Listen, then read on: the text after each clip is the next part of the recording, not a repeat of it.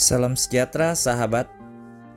Yesus memandang kerumunan orang miskin, berduka dan lapar, orang-orang yang telah diintimidasi, dilecehkan dan dieksploitasi. Yesus berkata kepada mereka, "Tuhan ada di pihakmu. Kalian bisa lebih bahagia daripada siapa pun. Kerajaan surga adalah milik kalian. Wow, sahabat, kali ini kita akan mulai kebalikan dari dunia lagi. Senin 7 Juni bacaan Injil diambil dari Matius 5 ayat 1 sampai dengan 12.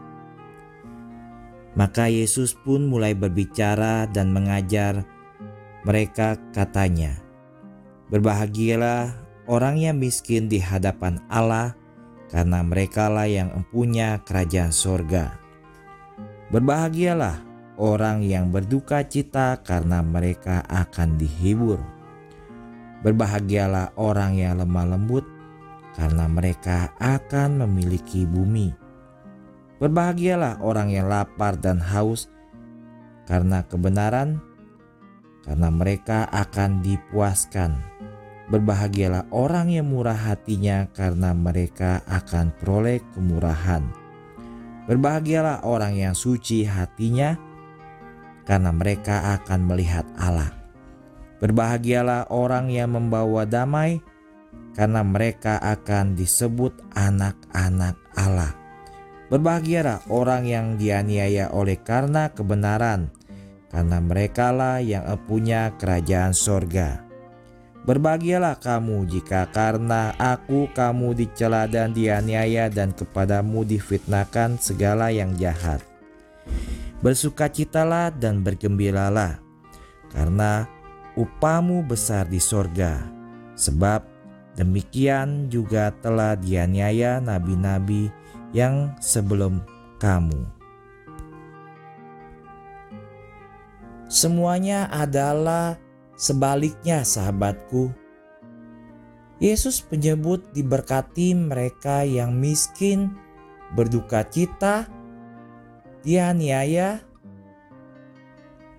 Bahkan puncak dari pembicaraan Yesus adalah berbahagialah kamu jikalau karena aku kamu dicela dan dianiaya dan kepadamu difitnahkan segala yang jahat. Diberkati berarti berbahagia. Dan Yesus menjelaskan di sini bahwa kebahagiaan tidak datang karena kekayaan, kekuasaan, ketenaran, dan kesenangan yang tidak teratur. Apakah Anda mendapat gambarannya, sahabatku?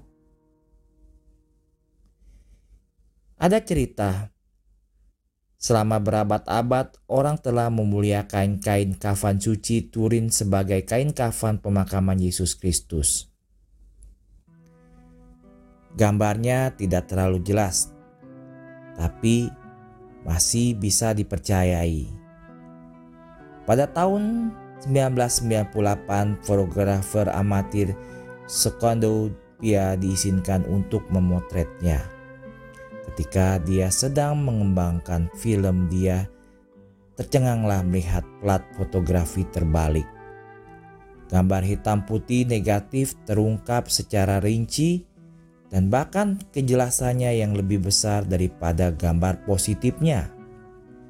Semua luka yang diawetkan oleh kain kafan.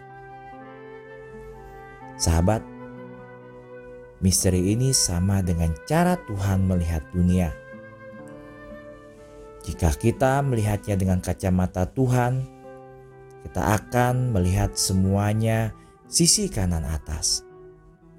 Dan kontradiksi yang tampak dari sabda bahagia ini adalah menunjukkan kepada kita bahwa ketika terjadi kesalahan, kita bukanlah pecundang, tapi pemenang karena Tuhan ada di pihak kita. Bunda Maria, ibu saya, bantu saya melihat kenyataan dengan filter supernatural, dengan kacamata Tuhan. Bunda Maria harapan kita dan tata kebijaksanaan, doakanlah kami.